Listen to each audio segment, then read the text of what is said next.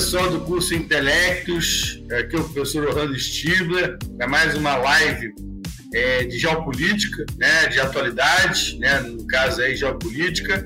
Você já, quem já vem acompanhando aí desde o início do ano sabe qual é a nossa pegada, né, As, os nossos temas, inclusive sabe que de vez em quando a gente troca o assunto, né, pré-estabelecido, porque acontece alguma coisa importante, né, porque aparece algum assunto que é mais relevante e nós fizemos isso com o tema do Afeganistão, né? Fizemos isso com algum outro assunto que não lembro agora também lá no meio do ano, no primeiro semestre. E agora aconteceu de novo, porque não tem como não falar da despedida da talvez da maior estadista do mundo ocidental hoje, que é a Angela Merkel, né? a chanceler da Alemanha, depois de 16 anos, é, vai deixar o poder daqui a mais ou menos uns 30 dias, é, vai assumir né, um sujeito que foi eleito domingo passado, foi eleito domingo passado agora, e eu queria explicar para vocês, en passant, né, bem, bem rapidinho mesmo, como é que é o processo eleitoral alemão, que é um voto distrital misto, né, é um processo é, específico, e depois eu queria entrar na, na questão mesmo da, da, do legado da Merkel, né, do que, que a Merkel deixou de importante como legado histórico, né, seus momentos mais importantes, então eu queria comentar sobre isso, beleza? Todos prontos? Posso então? Então vamos lá. Olha só, galera. Vocês estão vendo aí já do meu lado, aparecendo o parlamento alemão, né, o Bundestag, né, como é chamado o parlamento alemão. Ele tem 598 cadeiras, isso é variável, é uma regra eleitoral alemã que eu não vou querer entrar em detalhes, porque isso aqui não, não é uma questão de prova. A gente pode, num outro debate, quem sabe, falar sobre o processo eleitoral alemão mais detalhadamente, mas ele pode ter 598 é, parlamentares, que é o mínimo, ou pode ter 709, que é o número atual. Porque na Alemanha, queria explicar en é isso, o, o processo eleitoral é chamado de voto distrital misto. Então você tem duas, é, o alemão tem duas formas de votar nas eleições deles. Eles votam na pessoa que vai representar o distrito e eles votam na legenda, eles votam no partido. Então, é um, é um voto duplo. O alemão ele vota em duas, ele vota duas vezes, na mesma hora. Né? O voto na Alemanha não é obrigatório, o voto não é obrigatório, ah, ele não precisa nem comparecer à zona eleitoral, basta ele mandar o, o voto pelo correio, não há título eleitoral, uma curiosidade, né? não tem título eleitoral, é tudo informatizado, né? o, o sistema lá alemão, a, né? O, o, Tribunal Superior Eleitoral Alemão sabe quem é eleitor e quem não é, e aí a pessoa recebe em casa a cédula, vota e devolve pelos correios. Foi, foi inclusive o caso da Angela Merkel. Ela não foi nem votar, e hoje, esse ano talvez tenha sido recorde o voto pelo correio por causa da pandemia. Por causa da pandemia. Então a, galera, a maioria votou diretamente de casa. É, então é isso. Então o parlamento alemão ele tem essa característica. Vou passar aqui o slide. Esses foram os três candidatos é, mais fortes. Né? Eu vou falar um pouquinho rapidamente sobre cada um, mas eu queria falar mais é do partido de cada um. O primeiro que aparece é o, o Olaf Schloss, que é o cara que foi eleito, e é do partido SPD. SPD. O do centro é o, é o candidato da Merkel, porque o partido da Merkel chama-se CDU, CDU, que é um partido que foi fundado após a Segunda Guerra Mundial em 45. E é um partido muito forte, né? é um partido de centro-direita. E a, a, terceira candidata, essa, a única mulher que está aí no nosso slide, é a candidata de um partido mais recente, que é o Partido Verde, que surgiu nos anos 80 e chegou, inclusive, nessa eleição, uma curiosidade, a liderar o processo eleitoral. O, o Partido Verde chegou a estar à frente dos demais candidatos. Muita gente, inclusive, imaginou que os verdes poderiam liderar uma coalizão na Alemanha, o que não aconteceu. E aí eu quero explicar o que é essa coalizão. Mas antes, só para apresentar aos senhores o candidato que foi eleito, Olaf Schloss, né? espero que esteja próximo da pronúncia correta, né? Schloss.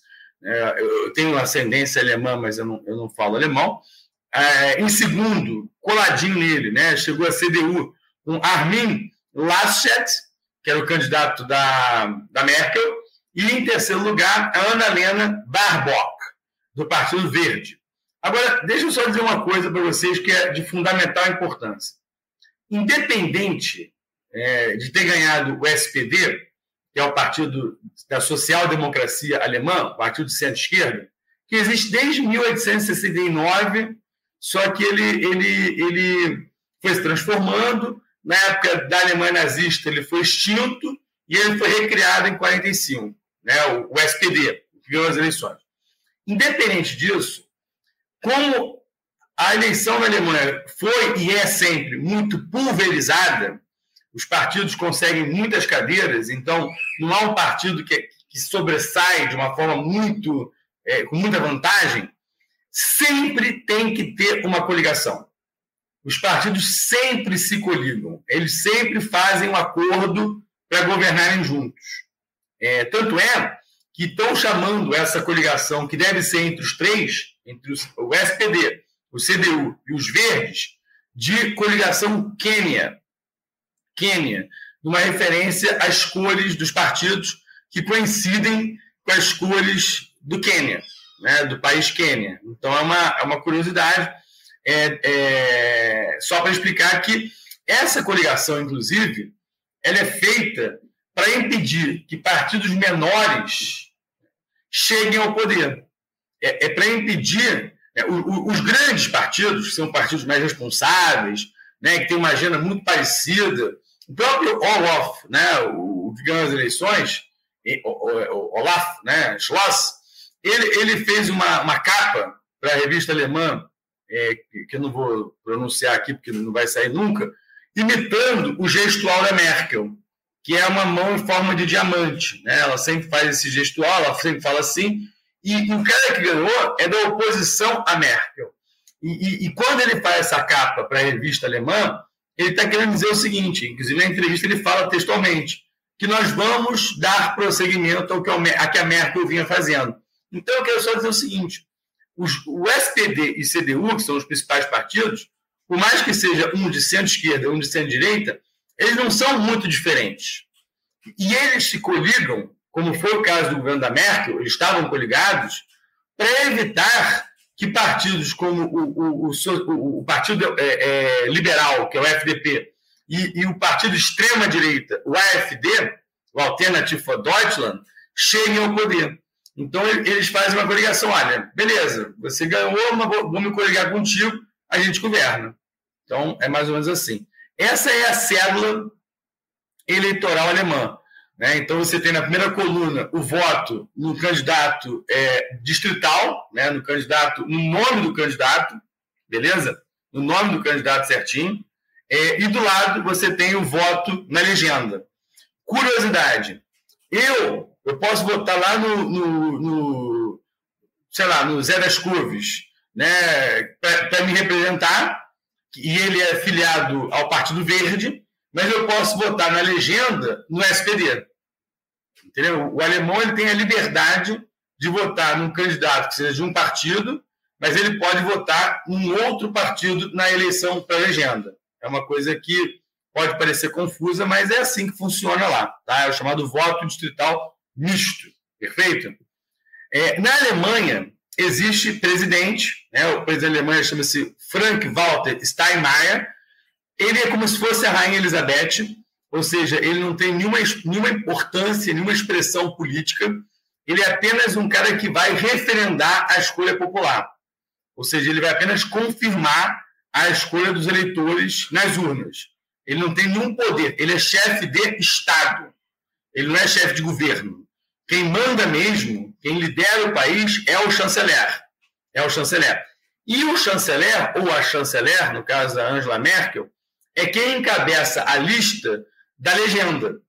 Então, por exemplo, quando eu voto nas eleições alemãs né, e eu escolho lá para ser o partido vencedor, o SPD, o partido ele já define previamente uma lista dos candidatos em ordem. Olha, se você votar no SPD, a nossa lista de 300 candidatos, digamos assim, 299, que acho que é o total, você, é, é, é, é do, é do Orlando, passando pela Luciana, aí depois vem a, a Raquel, né? depois vem a Amanda, depois vem sei lá quem. Então, e aí, se o SPD ganhar as eleições, o primeiro colocado listado é automaticamente o chanceler. Botando isso na prática. A Angela Merkel é chanceler da Alemanha há 16 anos, porque há 16 anos ela é líder do partido dela. E, e nas últimas quatro eleições, o mandato lá é de quatro anos, a Merkel foi, a, a, o partido dela foi o mais votado. Logo, a Merkel virou a chanceler. Deu para compreender? Acho que eu posso cortar aqui de volta para vocês, para ver se está tudo bem é, na transmissão. Se tiver alguma pergunta, é só fazer, tá, gente? Estou atento aqui a perguntas. É, de novo aqui aparecendo no quadradinho com a galera, não é isso? Só qualquer dúvida é só mandar aí pela, pela legenda, tá ok? Estou com a produção aqui do meu lado, só mandando perguntas pelo, pelo, pelo ponto eletrônico. Ah, aí, essa é a cédula, beleza? Essa é a cédula do sistema eleitoral alemão. Você tem, como eu disse, isso é para ser rapidamente, tá, gente? Estou vendo muito tempo já. Você tem a, a, a coluna para botar no nome e a outra coluna para botar no partido. E aí você forma um parlamento alemão. Beleza. Agora, o que interessa falar é sobre ela. Chega o fim uma era, né? Pode-se dizer que foi a era Angela Merkel, né? A Merkel chegou ao poder na Alemanha em 2005 e daqui a é, menos de 30 dias ela deixa o poder. A não ser, a não ser que os partidos não encontrem um acordo entre eles, que é muito difícil. Na Alemanha, esses acordos normalmente saem. É, em alguns outros países parlamentaristas, esses acordos podem demorar mais. Israel, por exemplo, é um problema. A Espanha é um é, é, é, é difícil. A Espanha é ruim deles se entenderem. Na Alemanha, normalmente, se a CDU ganha, faz acordo com o SPD, se a SPD ganha, faz acordo com o CDU, vamos governar, pronto, acabou. Né? Então, acho que não vai ter muito problema para que o Olaf assume, assuma a chancelaria na Alemanha. Mas o que interessa para a gente, em termos de prova, em termos de conhecimento, em termos de, de Enem, de vestibular, de UFJF, Juiz de Fora, que é muita atualidade, o ERG, se você fazer prova da UERJ no início do ano que vem, certamente Merkel pode cair na prova, é ela, né? O que interessa é falar sobre ela. E a Merkel, ela tem uma história curiosa. Eu ia falar primeiro dela, da pessoa. Ela tem apenas 51 anos, né? a Merkel é, bastante jovem, né? ela, ela, não é uma idosa, como pode, pode parecer, pelo tempo de governo que ela teve, né? ela, ela tem 51 anos. A, a, a Merkel, na verdade, ela nasceu em Hamburgo, né? em Hamburgo, ele que me deu uma dúvida em relação à idade dela, mas acho que é isso mesmo. Né? Deixa eu só confirmar aqui, estou vendo aqui rapidamente. Mentira, gente, desculpa, ela tem 67 anos. Perdão, perdão. Ela tem 67. Bem que eu achei que estava dando a informação errada. Ela tem 67 anos. A Merkel tem 67 anos. Ela está no poder desde 2005, né? E ela está deixando justamente o poder agora. E ela poderia até continuar, porque não existe limites para eleições na Alemanha. Ela poderia muito bem continuar no poder mais tempo. E você pode até me dizer, me, me, me, me, indagar e dizer o seguinte: Pô, mas assim, um governo de mais de 16 anos, né? 16 anos eu acho muito, mas um governo assim tão longevo, né? Se fosse aqui na América do Sul, não seria uma ditadura, não seria um, um abuso de poder, né? A pergunta é muito pertinente. Mas a Angela Merkel, ela manda muito menos do que o Bolsonaro no Brasil. Claro, né? Estou falando, né? Cada país a, a, o parlamentarismo exige do seu líder, né, no caso do chanceler, o primeiro-ministro, não importa o nome, governar com o parlamento, governar com os partidos. Então, não é um governo imperial, entendeu? não é um governo centralizado, não é um governo é, é, é forte nesse aspecto. É, precisa do apoio dos parlamentares. Então, por isso, não é algo autoritário. Não é isso. Por isso que a Europa tem uma tradição de parlamentarismo e muitas vezes de governos muito longos. Né? O caso da Merkel, ela não é recordista ainda, ela pode ser até, porque o recordista é o padrinho político dela, que morreu não faz muito tempo.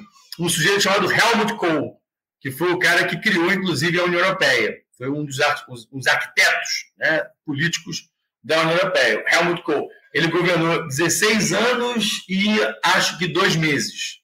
A Merkel, se tiver algum rolo na formação da coligação, pode ser que ela bata o recorde do, do, próprio padrinho político dela, mas acho difícil. Acho que ela vai ficar em segundo lugar.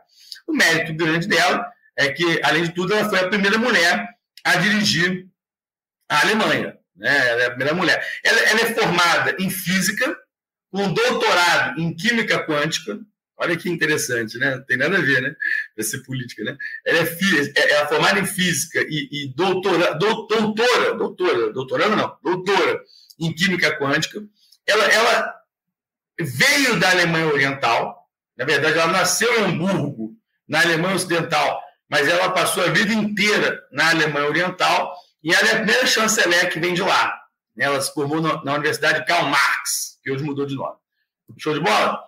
Aí a Merkel, desde nova, né, até hoje, aos 67. Né? Não sei de onde eu tirei 51 anos, né? não fazia o menor sentido. Nem tem cara de 51 anos, né, gente? Convenhamos. Mas aí ela bem nova, né? Bem, bem novinha até a idade atual dela. Eu achei legal trazer essas imagens dela. E, e, e assim, no final eu vou mostrar para vocês que o símbolo dela, né, que é que é uma mão, né, como já como eu disse, em forma de diamante e tal, ela sempre, você reparou, ela sempre fala com a mão assim. Perguntaram para ela recentemente porque virou bonequinho, virou outdoor. Né? Eu vou terminar a, a, a, nossa live justamente mostrando os bonequinhos que foram feitos com a Merkel, com, esse, com, a, mão, com, a, mão, com a mãozinha assim. E aí perguntaram para ela por que isso? Se era uma marca populista, se era uma forma de deixar uma marca para o mundo. E ela falou que não, que ela sempre foi muito tímida e que ela nunca sabia onde colocar as mãos quando falava em público. Então ela, ela acabou criando esse gestual, virou um hábito dela, porque enfiar a mão no bolso não fica bem, né? Para quem fala em público, né? Quem sabe, quem, quem fala em público sabe disso, né? Colocar a mão no bolso não é a melhor. E ela não sabia o que fazer com as mãos e tal, e acabou criando esse gestual que virou a marca registrada dela. A, a, até aí nenhuma foto dessa aparece essa mãozinha dela especificamente não, porque até está sentada. Mas depois vai aparecer, vocês vão ver. Ela ganhou vários apelidos, né? Vários apelidos, ela virou verbo, né? Merque, merque, caraca, ele vem de maquiavelismo. Merquiavelismo, merquiavelismo, que é a ideia de você soar hesitante. Olha como é que na Alemanha a Merkel é estudada em detalhes, né? É você soar hesitante, parecer uma pessoa hesitante, mas no fundo, no fundo, você usar essa hesitação para que você possa é, é, é, é se comunicar melhor com os seus adversários políticos e conseguir o que você quer.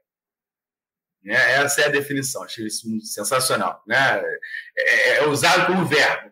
E, além disso, ela tem um apelido mais famoso, que é Mãezinha, né? que pode parecer, é, no primeiro momento, um, um, apelido machista, porque ela é chanceler da Alemanha, a primeira mulher governar a Alemanha é chamada de Mãezinha, ela é chanceler.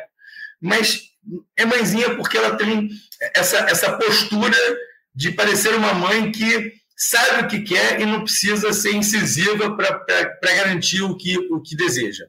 Ela acaba manobrando para chegar até onde ela quer, sem parecer uma pessoa muito dura ou muito antipática aos olhos da, eh, de ninguém, seja do alemão ou da comunidade internacional. Então, é uma característica dela. Né? Ela sempre usou isso de forma muito é, perspicaz, né? muito inteligente, já que a Merkel, eu repito, né? eu, eu não canso de dizer, ela foi a maior estadista dos últimos tempos. Né? quando eu digo estadista, para quem não sabe o conceito, o que é, é a ideia de uma liderança política muito forte, né? de alguém que está acima da média de outros presidentes, que são presidentes fracos.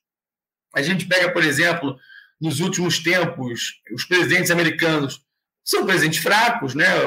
É, o Obama, desses últimos aí, foi o presidente mais simpático, mais gente boa, né? um cara super ético, honesto, né? indubitavelmente não tem que falar sobre a questão pessoal da política doméstica do, do, do Obama, mas ele nunca foi uma liderança que, por exemplo, barrou o presidente da Síria, Bashar al-Assad, de fazer ataques químicos à população deles, dele. Né? O Obama nunca foi um cara que, por exemplo, barrou o crescimento da China ou que, de repente, botou o Putin no bolso. Então, assim, não dá para dizer que o Obama foi um presidente forte. Fora os outros presidentes americanos que, que não dá para falar muito, né? O Bush Filho, né? os quatro que, que conviveram com a Merkel. O Bush Filho, né? o, o, o Trump e agora o Biden, que está em início de, de mandato, nem, nem para falar muito, apesar da, da saída do Afeganistão, que já diz alguma coisa, né? sobre o presidente Biden. Bom, aí o fato dela ser a primeira mulher eleita né, para ser chefe de governo da Alemanha, para ser chanceler, né, por isso uma era é, fica para trás. E aí ela bem novinha, né? Há 21 anos atrás, né, faz as contas aí, eu não sei quanto é isso, 66, 21 não, né? Isso aí é, é 21 anos, claro.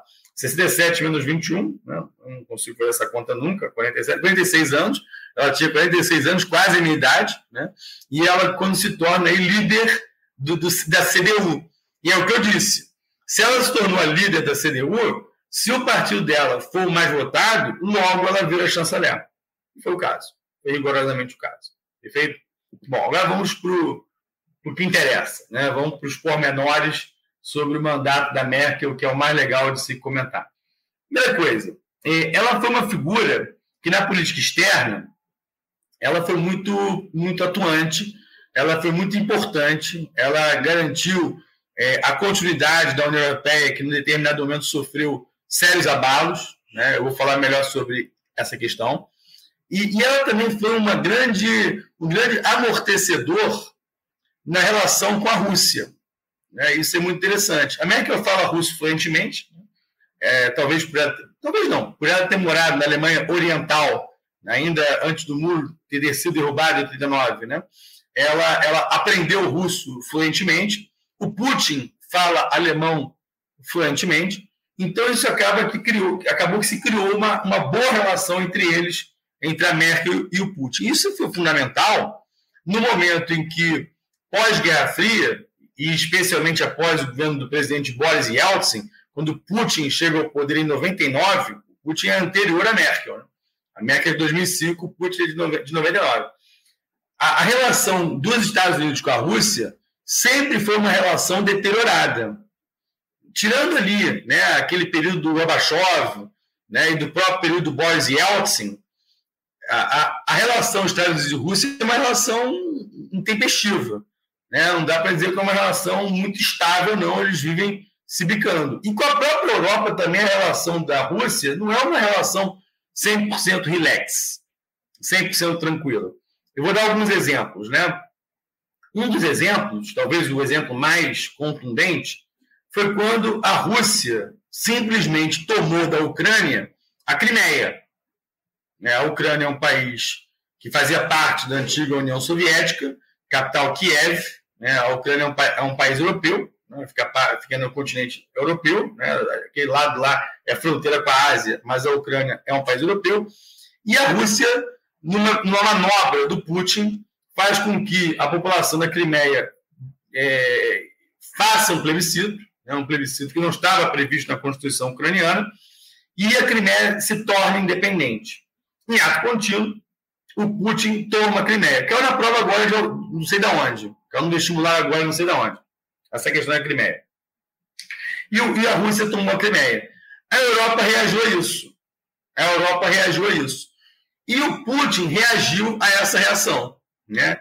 Porque o Putin ele tem uma arma muito poderosa em relação à Europa, que é o fornecimento de gás e petróleo é, a, a, Rússia é a maior fornecedora de gás e petróleo para o continente europeu. Então, assim, a Europa ela precisa desse gás, desse petróleo, especialmente para o inverno, para a calefação das casas.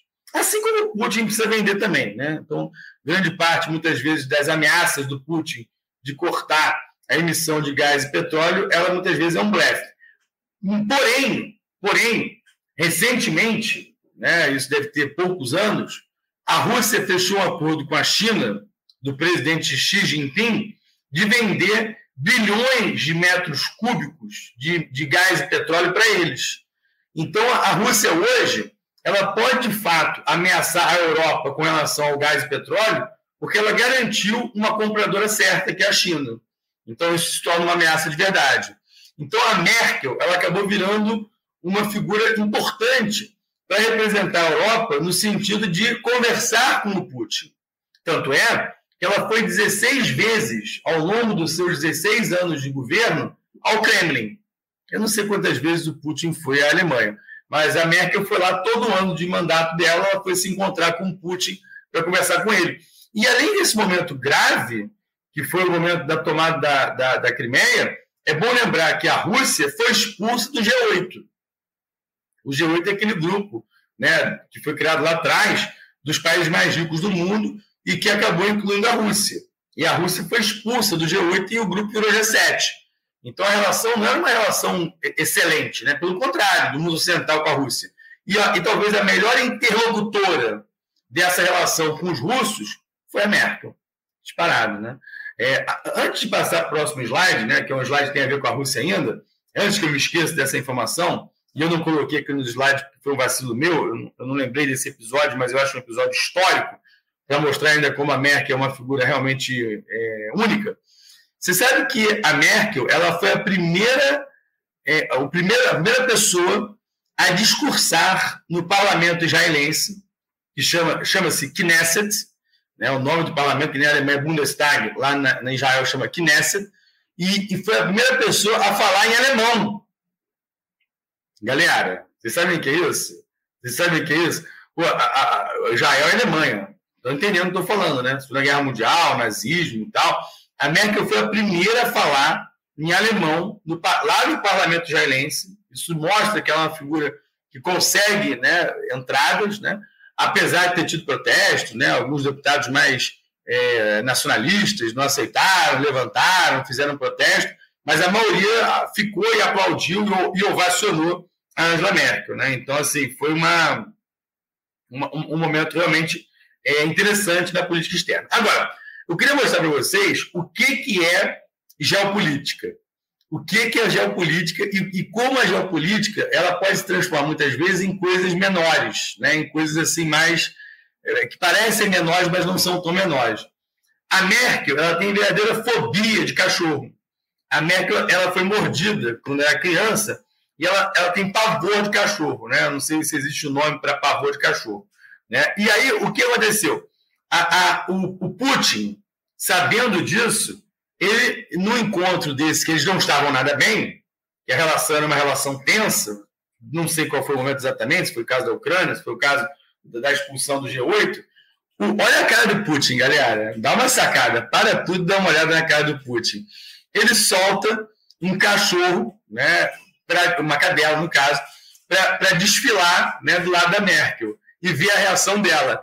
A, a cara da Merkel parece ter de medo ali, né? Mas se você olhar a imagem que tem no YouTube, a cena toda, a Merkel ela se mantém toda dura, né? ela, ela, não, ela não mostra medo, ela não mostra medo, ela fica ali, ela se segura né, o máximo possível, e, e, e isso é importante, né?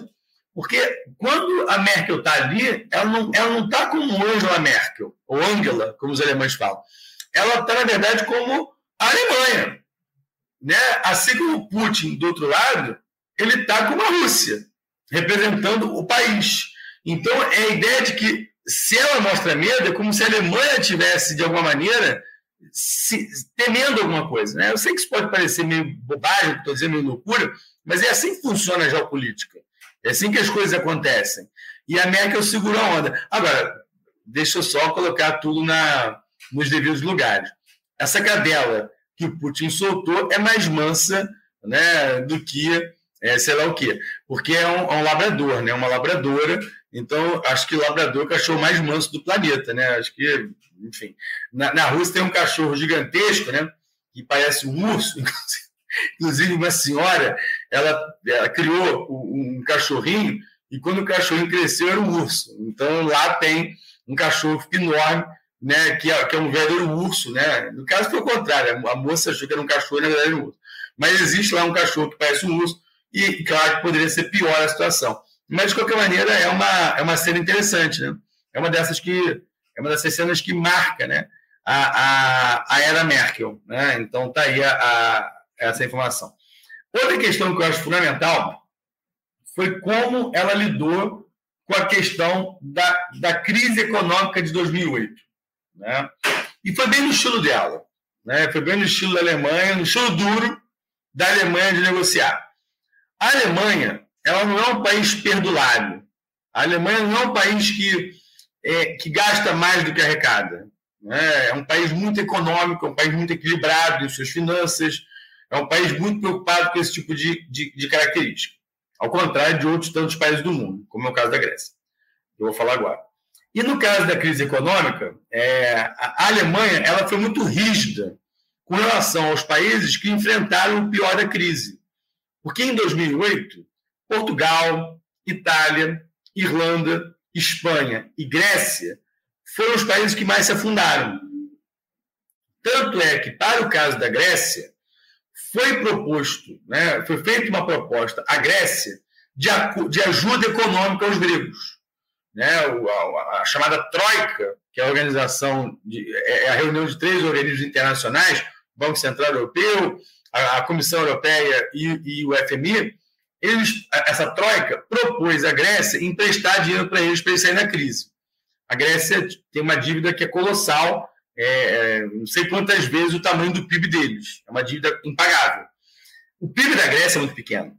O PIB da Grécia é de 3% do total da União Europeia. Então, assim, a Grécia é um país para a União Europeia, economicamente falando, insignificante. Insignificante. Tanto é, tanto é que durante a crise grega, muito se falou do chamado Brexit. Brexit, que seria a expulsão da Grécia. Ao contrário do Brexit, que foi a saída por livre e espontânea vontade do Reino Unido da União Europeia, o Brexit seria a expulsão da Grécia, porque a Grécia não estaria cumprindo o acordo feito com a Troika. Qual é o acordo feito? A Troika emprestaria dinheiro para a Grécia desde que a Grécia cortasse os gastos. A Merkel foi muito dura. A Merkel não aceitava nenhum tipo de relaxamento das contas públicas gregas. Essa charge ela é bem é, elucidativa né, com relação ao que eu estou falando, a, a, a, diz, ela diz a, a charge. Quanto à Grécia, todas as opções estão na mesa. Tesoura, cutelo, serrote, é, é, bisturi, faca. Ou seja, desde que você corte os gastos, desde que você gaste menos do que arrecada, está valendo. Não dá para você arrecadar menos e gastar mais. E, e a Grécia sempre foi um país perdulário né, que, que, por exemplo, cobra ínfimas é, taxas de impostos às ilhas gregas, até para incentivar o turismo em Mykonos, Santorini, aquelas ilhas todas. A previdência pública grega é muito é, é, é generosa. Então, isso, isso criou para a Grécia um problema grave. E aí você pode me perguntar, por que, que a, a Alemanha não deu de ombros e deixou a Grécia sair? Né? Porque muita gente queria expulsar a Grécia e, e é isso que eu queria dizer. A Merkel não deixou. A Merkel, apesar de dura com os gregos, ela foi vaiada em Atenas. Ela foi copiosamente vaiada em Atenas quando ela esteve lá. Ela manobrou para que a Grécia não saísse do bloco, não foi nem tanto pela, pela importância econômica grega. Como eu disse, a Grécia não representa muita coisa. Talvez tenha sido por dois motivos. Primeiro, porque sair um país da União Europeia poderia ser um efeito dominó. Outros países poderiam sair. Né? E, e, e aquele, naquela época o Reino Unido não tinha saído ainda. E o Reino Unido, cá para nós, né, o Brexit do Reino Unido, é, é, de um país que tinha um pé dentro da União Europeia e outro fora. O Reino Unido nunca fez parte do, da zona econômica é, do euro. Né? Nunca fez parte da zona do euro. Então a saída do Reino Unido foi uma saída meio que, entendeu? Ninguém queria, mas, enfim, né? não é um país que era do bloco mesmo. Era do bloco, mas não era. Agora, a questão da Grécia é que a Grécia, politicamente falando, ela é, é, é, é, é tudo para o Ocidente. Né? A Grécia é o berço da civilização ocidental, concordo? a história começou ali, nossa, né, ocidental. A filosofia, barra mitologia, a, a Olimpíada, a democracia, né? Então, assim, a gente deve muito aos gregos, né? O pensamento ocidental. Então, perder a Grécia tinha um simbolismo muito maior do que qualquer valor econômico. E tem mais. Quem estava querendo muito que a Grécia saísse para se aproximar de, de, desse país, né, de Atenas, era Moscou, era a Rússia. O Putin estava doido para oferecer linhas de crédito para a Grécia e se aproximar da Grécia, criando uma, né, uma política de eixo com a Grécia, de aproximação com a Grécia. E não interessa para a Europa isso, né? fortalecer a Rússia. Então, por isso, a Merkel foi muito habilidosa em lidar com a crise econômica, especialmente com os gregos. Né? Com os Estados Unidos, a Merkel teve seus momentos bons e ruins. E, é, indiscutivelmente, o momento melhor que a Merkel teve foi na época do Obama, né? Os dois trocavam né, uma, uma bola redonda, né? Se davam muito bem. Eram dois líderes que, que tinham simpatias mútuas, né? Falavam a mesma língua. É, essa foto é sensacional, né? essa foto é, é, rodou o mundo por conta dessa, dessa característica né? de ser o encontro de dois líderes é, tão importantes né? e, e, e batendo um papo informal. Né? Inclusive no cenário onde foi filmado o filme Noviça, a Noviça Rebelde. Então, um cenário idílico, né? uma coisa bonita e tal. E, e a foto é, é tudo de bom, né? é o Obama descontraído, né, com as mãos no, no, no, banco, né, e a Merkel contando alguma coisa ali que parece que, que é uma coisa é, comum, né, até que virou meme, né, tem vários memes, né, tem ela mostrando que pescou um peixe desse tamanho, tem ela dançando com uma noviça rebelde, só você pesquisar que essa foto gerou vários memes super divertidos. Mas é uma, é, foi uma boa relação, né? Que ela não teve com o Trump né, a relação na época dos Estados Unidos com o Trump foi uma relação azeda, né? Mas aí que tá, aí que vai entrar a persona, né, a personalidade, é, a, a, alma da, da, Merkel. Esse episódio foi um episódio que vale a pena ser contado. O, a Merkel visitou os Estados Unidos, né? Enfim, não lembro qual era a escaramuça deles, não lembro qual era o problema que eles tinham naquele momento. E, e, e o Trump simplesmente se recusou a cumprimentá-la. Isso foi filmado, está no YouTube. Bota lá no YouTube que você ver. E ele, e ele, e ele se recusou a cumprimentá-lo. Né? Eles se reuniram no Salão Oval, aí os jornalistas entraram, aí os jornalistas pediram um, um shake hands, né, Mr. President, né, né, né, Ela fez uma cara do tipo, ele não quer, porque ela, ela meio que foi e ele não foi.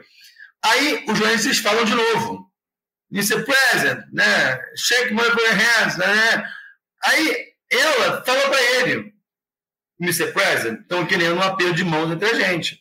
E ele simplesmente não aperta a mão dela. Só que o que eu acho interessante é o seguinte: essa história que eu estou contando é para dizer um pouco da personalidade dela. Ela levou isso para casa. Ela não levou isso para a cama. Ela, ela não fez disso um problema. Porque ela sabe que ela representa um país e, e, e o orgulho dela, ou, ou, ou né, a descortesia dele com ela é menor do que a relação entre os países. Logo depois houve uma conferência é, para a imprensa em que os dois falaram, ela deu uma cutucada nele. É, é, ela, ela falou alguma coisa lá e falou: Eu não sei se ele está entendendo. Ou seja, deu uma zoada nele. Mas foi isso. Mas para justamente mostrar o que, que é esse merquevelismo.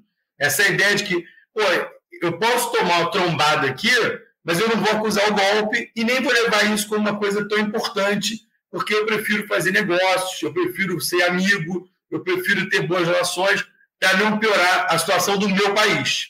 É mais ou menos isso. Né? Só para você entender a relação dela com o Trump, com vários líderes mundiais, até com o próprio presidente Bolsonaro. A relação.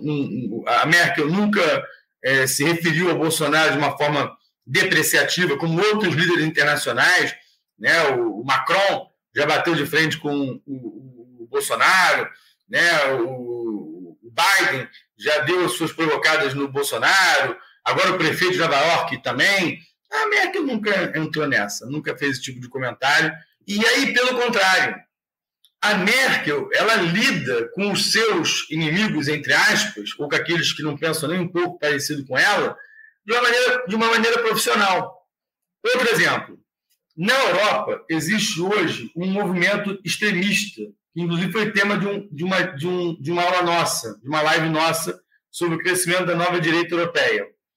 E essa nova direita europeia, mais extremista, é homofóbica, é racista, é xenófoba, ela é, é ultraliberal, ultraliberal, e, e, e os dois casos mais notórios de líderes extremistas europeus é o, o Vitor Orbán, da Hungria, esse que aparece de gravata vermelha, e o Andrei Duda, da Polônia, o outro que aparece esticando o braço.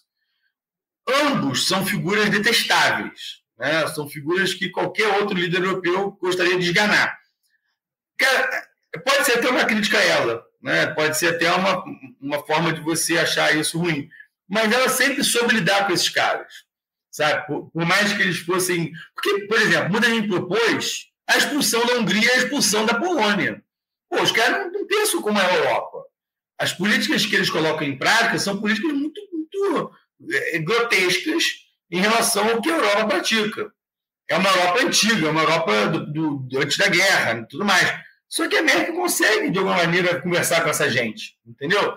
Vou dar, vou dar um exemplo. No caso da Hungria, o Viktor Orbán, que talvez seja o maior é, é, exemplo desse extremismo, aprovou leis homofóbicas graves e, mais do que isso, criou uma lei ultraliberal que foi apelidada pelos, pelos húngaros, né, e teve protestos em Budapeste e tudo mais, de lei da escravidão, que é uma lei que, que, que a empresa ela pode exigir do seu trabalhador até 200 horas extras e, e a empresa pode pagar essa dívida em três anos. entendeu? Você imagina, a empresa te pede para você trabalhar 200 horas extras no ano e pode te pagar diluidamente né, em três anos. Pô, isso não existe. Né? Isso, é, isso, é, isso é muito brutal para o trabalhador. E a Merkel, enfim, não entrou nessa bola dividida. Né? A gente pode criticar também por esse pragmatismo. Talvez a palavra-chave que defina bem a Merkel seja pragmatismo. Talvez o momento em que a Merkel mais apareceu, em que ela mais é, é, foi à televisão, usou as redes sociais, é, foi um ano que ela foi realmente mais expansiva. Foi na pandemia. Foi na pandemia. A Merkel, ao contrário do seu homólogo britânico, Boris Johnson, que foi negacionista, Boris, Boris Johnson é, é, dava de, de ombros para a pandemia, até ele para UTI quase morrer. Aí depois ele mudou de postura e passou a, de, a, defender a vacina, a máscara, né? inclusive a própria AstraZeneca foi desenvolvida por Oxford. Mas a, a Merkel, desde o início, desde o início, ela fez campanhas bastante contundentes em defesa da vacina e da máscara. Então, assim, o momento em que ela mais apareceu, talvez para o público dela e tal, foi na pandemia. Né? E com toda razão, né? Isso aí não tem nem o que discutir. Outra questão que eu acho interessante do legado dela, né? falando um pouco ainda da história da Merkel, do que ela vai deixar para as gerações futuras e para a Alemanha que está vindo aí agora, com Olaf Scholz, é a questão da energia nuclear. Um episódio que foi o acidente nuclear no Japão eu não sei se os senhores se lembram, em 2011 houve o um acidente de Fukushima, onde duas usinas foram atingidas por um, um terremoto seguido de maremoto, né, de tsunami, e as usinas acabaram entrando em colapso. E houve um acidente gravíssimo e Fukushima ficou vazia, né? Teve que a cidade teve que ser evacuada. A Merkel assumiu o, o, a, a, o compromisso de até 2022, portanto até o ano que vem, de desligar todas as usinas nucleares alemãs. Inclusive, muitas estão sendo transformadas até em parque de diversão. Acabar com todas as usinas nucleares. E ela, é, é, é, essa, essa política tem até um nome, chama-se Energy.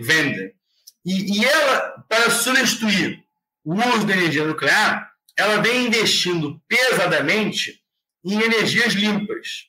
Tanto é que no ano passado, o dado que eu peguei foi do ano passado, de 2020, 42% da matriz energética alemã era eólica ou solar, que não é, que não é barata, né? que, é, que é cara, né? as células fotovoltaicas, né? E, e etc. Mas ela investiu muito nisso. Então a Alemanha hoje é um país limpo. E, e também, assim, claro, é, é, interesse dela, né? a Merkel achou que isso é interessante e tal, para o mundo é legal, mas ela também está cedendo, evidentemente, ao crescimento do Partido Verde, né, que é um partido muito ligado à juventude alemã, que pensa de uma forma sustentável, né, como o europeu hoje mais maduro pensa nisso. Então, ela também está atendendo a um desejo do público interno. Também não é uma política só para o mundo, é uma política para a Alemanha. Tanto é que, vou aqui falar mal dela também, que existe uma contradição também em relação a isso, com relação à indústria automobilística. Não houve nenhuma pressão do governo alemão com relação, por exemplo, à redução de automóveis ou da produção industrial automobilística, é, até porque a indústria automobilística alemã é de uma tradição gigantesca. né, a, Alemanha tem uma história né, ligada à indústria automobilística muito grande, forte, e o lobby dessa empresa também é muito grande. Então, nisso ela não mexeu tanto. Mas só de ter 42%, galera, de energias renováveis é muita coisa. O Brasil, por exemplo, o percentual é irrisório. A, a, nossa utilização de energias renováveis é incipiente, tirando as hidrelétricas, né? Eólica, solar. E o Brasil tem todas as condições do planeta. O Brasil tem uma usina de ventos chamado Norte, é, é, é aliás, Nordeste e Sul. Né? Ali, Rio Grande do Norte, por exemplo, até o sul do Brasil, nós temos ventos em profusão para produção de energia eólica, por exemplo. Solar também temos. A questão é querer investir nisso, é, é ter vontade política. E a Merkel teve. Polêmica. Legalização da união homoafetiva. É, a Merkel é contra. A Merkel foi contra. E, e, aí é uma contradição, e ao mesmo tempo também eu acho que dá para tirar duas conclusões. Né? Uma, aí é a minha opinião, né? Crentice dela. Né? Cresceu numa Alemanha Oriental, né? cresceu no ambiente russo, né? que, é um, que é conservador, né? que é bastante conservador. A gente acha muitas vezes que a esquerda ela é progressista, necessariamente, e não é. Exemplo disso é o presidente peruano Pedro Castilho, que é um cara ultraconservador, né, e é um cara de esquerda. Então, não, imagine que esquerda é progressista e direita é conservadora nos costumes, não é, não é sempre assim. E, e, a, e a Merkel era contra o casamento gay. E, e ela nunca colocou em pauta esse debate. Só que num dado momento, ela percebeu que a, que a sociedade alemã e a própria Europa, né, porque a França foi aprovada, a Inglaterra foi aprovada e tal, é, exigia isso havia uma demanda muito clara em relação à equalização dos direitos, a isonomia de direitos entre casais heterossexuais e homossexuais. E a Merkel, então, colocou em votação. Ela votou contra, pessoalmente, mas teve a grandeza de liberar os congressistas do partido dela, do CDU, a votarem como quiserem. Como quiserem. É, e aí foi aprovado o casamento gay na Alemanha perguntada pela revista é, feminina é, Brigitte, revista alemã, sobre o que ela achava do resultado, apesar dela ter perdido, né, ter votado contra, ela disse que se sentia muito feliz, muito satisfeita, porque se era isso que o país queria, se era isso que traria a paz social para a Alemanha, era, era, era a satisfação dela. E aí é outra coisa, né? Se por um lado ela é, é na minha opinião, conservador e careta, né, num assunto que acho que enfim, o Estado não tem que deliberar, porque estamos falando de um casamento civil, né, casamento religioso, eu acho que, por outro lado, ela foi estadista. Porque, por mais que eu tenha uma opinião contrária a determinado assunto, não é a minha opinião que vai importar. Né? Eu acho que outro exemplo né, que, que é parecido com isso é o próprio exemplo do presidente do Uruguai, José Pepe Mujica, ex-presidente do Uruguai, né? que, que era contra a legalização da maconha. Nunca foi a favor da, da, da legalização da maconha. E mesmo sendo contra, colocou em votação no Uruguai e foi aprovada a maconha. Né? Então, eu acho que isso, isso mostra o que, que deve ser o papel de um líder de, de um país. Né? É, é a minha opinião. Tá? Aí é uma questão interessantíssima também, galera. Para mim, isso foi talvez a maior marca dela. No auge da crise migratória, entre 2015 e 2016, a Alemanha foi o país que mais recebeu imigrantes sírios, né, no auge da crise da guerra da Síria, né, 2015, 2016, a coisa estava pegando fogo, né? E, e, e, a Alemanha abriu, entrou, por exemplo, só no ano de 2015, 476 mil imigrantes. A direita quicou, né? a direita mais extremada da Alemanha quicou. Né? A Merkel enfrentou o seu pior momento interno, onde ela mais era criticada, né? movimentos de protesto em Dresden, reunindo multidões, eu lembro disso, em Leipzig, reunindo multidões, todos contra a Merkel conta da entrada de imigrantes. E aí veio a, o slogan, a frase que ficou, virou quase um slogan dela, né? Wir schaffen das, que seria nós conseguiremos, em português. E que é uma versão né, do Yes We Can, talvez do Obama que é assim, nós conseguiremos é é, é, é, receber essa galera. A Alemanha vai, ser, vai, ser, vai ter condições de, de, de, de, de suportar, né, entre aspas, a, a entrada dessas pessoas, eu digo economicamente e tal. E, e, hoje, em 2021, isso se concretizou. Porque, tirando Portugal, que é o país com o maior problema demográfico na Europa, a Alemanha é o segundo país. Então, ter mais gente entrando, que são médicos, são professores, são jornalistas, são advogados, são pessoas mais humildes que não têm profissões tão, tão nobres assim, né? são pessoas que estão trabalhando em outros mercados. Essas pessoas se adaptaram à Alemanha, à cultura alemã, né? pagam impostos ao governo alemão. E hoje não há nenhum problema com relação a isso. Então, eu diria que um outro grande legado da Merkel foi ter deixado a Alemanha mais cosmopolita, deixar a Alemanha um país mais plural, aceitando o diferente. Porque a Alemanha nem sempre foi assim. Eu lembro muito bem que antes da Merkel, os ataques à comunidade turca, por exemplo, que é uma comunidade enorme na, na, na Alemanha, talvez a maior comunidade de estrangeiros, era muito comum. Os grupos de skinheads, que até hoje existem, neonazistas, atuavam livremente, quase que livremente. Eu acho que a, a sociedade alemã hoje ela se tornou mais aberta. E, e, e, e, eu tenho certeza que o grande exemplo desse, dessa Alemanha aberta, plural, que recebe quem é diferente, quem é de fora, é Berlim.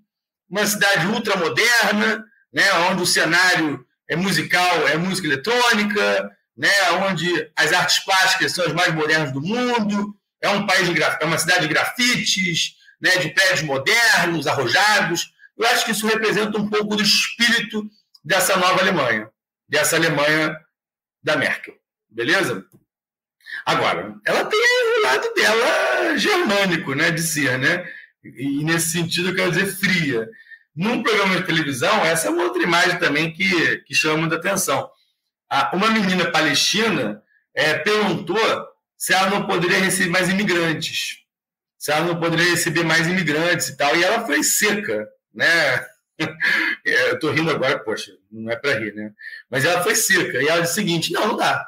Não dá, né? Já recebemos tudo que tinha que receber. A galera que tinha que entrar já entrou e não dá mais. E me caiu no choro no meio do programa, de programa livre, né? Programa do programa livre. Programa livre é o nome antigo do programa do Serginho Grosmo. Altas horas. Fala, garoto! Só que a Merkel participando do programa. E a menina falou, poxa, eu queria que trouxesse mais gente. A Merkel, não, não dá, não não. Já, já deu, já. Todo mundo que tinha entrar entrou. Aí a menina caiu no choro. E a Merkel foi lá consolar a menina e tal, falou alguma palavra para ela, não sei o que ela falou, né? Enfim. Mas, de qualquer maneira, isso mostra um pouco do. Outra expressão, né? É, Merchiavelli, é o que eu falei antes, né? É a ideia do, do, do merquiavelismo né, dela. Enfim. Agora, é, é uma era que se apaga, né, galera? É um, é um, é um período histórico que para sempre vai ser lembrado. Né? Esse gestual dela é o que eu falei para vocês, né? a mão em forma de diamante, né? virou outdoor, né? virou publicidade, é, virou bonequinho. E, e, a Merkel ela, ela, ela deixa uma Alemanha é, depois de 16 anos. Né? Certamente o, o, próximo líder vai dar prosseguimento ao que ela vinha fazendo, é o que eu falei sobre a capa que, ela, que, ele, ele pousou para a revista alemã usando exatamente esse símbolo. É, o, a bonequinhos! eu queria um bonequinho desse aqui no instante. Eu queria um bonequinho desse no instante. Com a Merkel fazendo o gestual típico dela, né? E, e eu acho que essa é, é a imagem que eu deixo por último, né? Eu vou voltar aqui para aparecer para vocês. Esse é o nosso último slide, que é justamente o, o, o, quase como um símbolo dela, né? Sem que ela é, caia num populismo barato, né? Num populismo é, gratuito, né? A Merkel nunca foi disso, mas enfim, é o fim de uma era que se apaga é, para todo sempre, né? Eu acho que é isso. Se me colocar na tela maior, Lúcio estiver por aí, só para me despedir aqui da galera é, e, e, comentar o seguinte, galera, estamos. O tema que seria hoje, né? O tema hoje então foi esse, né? O fim. Eu estou vendo meu cabelo agora melhor que estava só no slide. O, o tema de hoje foi, portanto, as eleições da Alemanha, né? Eu, eu, quando voltar na nossa próxima aula ao vivo, acho que a gente tem mais uma aula, né? Até o final do ano, tem uma, duas, ainda vou voltar. Eu conto, né? Se, se o Olaf tomou posse mesmo, a coalizão se foi feita ou não. Eu trago, né? Breaking news sobre a Alemanha, podem deixar comigo. Mas o, o tema que tinha sido acordado para hoje, que, que era o tema que sairia, e em cima da hora eu, eu troquei, inclusive eu até peço perdão à galera que está aí, porque eu acabei avisando em cima da hora a troca de tema, né? Atualidades acaba acontecendo isso, mas eu poderia ter avisado antes. É a questão entre Israel e Palestina. Mas eu não esqueci, né? Eu tenho já todo o material pronto sobre isso. Claro, né? Vou sempre atualizando esse material com coisas novas, né? Do que vem acontecendo. E, e até porque é um assunto que para o próprio Enem, eu acho, por exemplo, fim da era Merkel, o Enem, o Enem não gosta muito de atualidade. Né? O Enem não é uma prova que cai muito atualidade, a não ser que seja um tema de redação que, vai, que é uma outra pegada, né? que, vem, que não é a minha, a, minha, a minha aula aqui. A minha aula aqui é geopolítica. Né? Eu estou aqui reservado à geopolítica. Então, é, é, é, são os temas que eu trato. Para redação, eu acho que não é muito geopolítica o que cai. Né? Dificilmente. Mas, assim, os outros vestibulares caem muito provas de, de geopolítica. Agora, para o Enem, eu acho que o próximo tema nosso, que é Israel versus Palestina, ele é forte. Porque ele tem raízes históricas. Porque ele vai lá atrás, no pós Primeira Guerra Mundial, né, desde a criação do Estado de Israel após a Segunda Guerra Mundial também, né, e os conflitos que aconteceram. E que também estão interligados com a Guerra Fria como, por exemplo, a crise do canal de Suez, que é um tema que, por si só, é muito possível de cair em prova do Enem. Então, eu, eu é, tudo der certo, né? eu tenho certeza que o próximo tema vai ser esse, não acho que vai ter nenhum outro assunto que seja tão importante quanto foi o Afeganistão passado e quanto o fim da era Merkel, que eu acho, de fato, esses dois assuntos muito fortes, os vestibulares diversos. Eu venho, então, com a questão entre Israel e Palestina, e todas, e todas as, as, as, né, as, as questões históricas que envolvem esse conflito, e que basicamente é o fato né, de ter sido criado um Estado que é Israel e de não ter sido criado um outro Estado que é a Palestina. Isso resume, né, resumo da ópera né, do, do que é essa aula. Mas, claro, que tem todas as nuances históricas, né, todas as suas explicações históricas, e que as provas do Enem adoram cobrar essa parte especialmente na, na aula de, de, humanas, na prova de humanas, que é aquela coisa que envolve geografia e história. A gente nunca sabe se é geografia, se é história. Agora está tudo muito interdisciplinar, que é o formato da prova. Beleza? Então eu agradeço a presença de todos. Né? Mais uma vez eu agradeço a oportunidade do curso Intelectos de estar aqui, né, fazendo essa live, muito me honra. E aguardo vocês, então, no nosso, nosso próximo encontro. Valeu, galera! Um abraço, até semana que vem.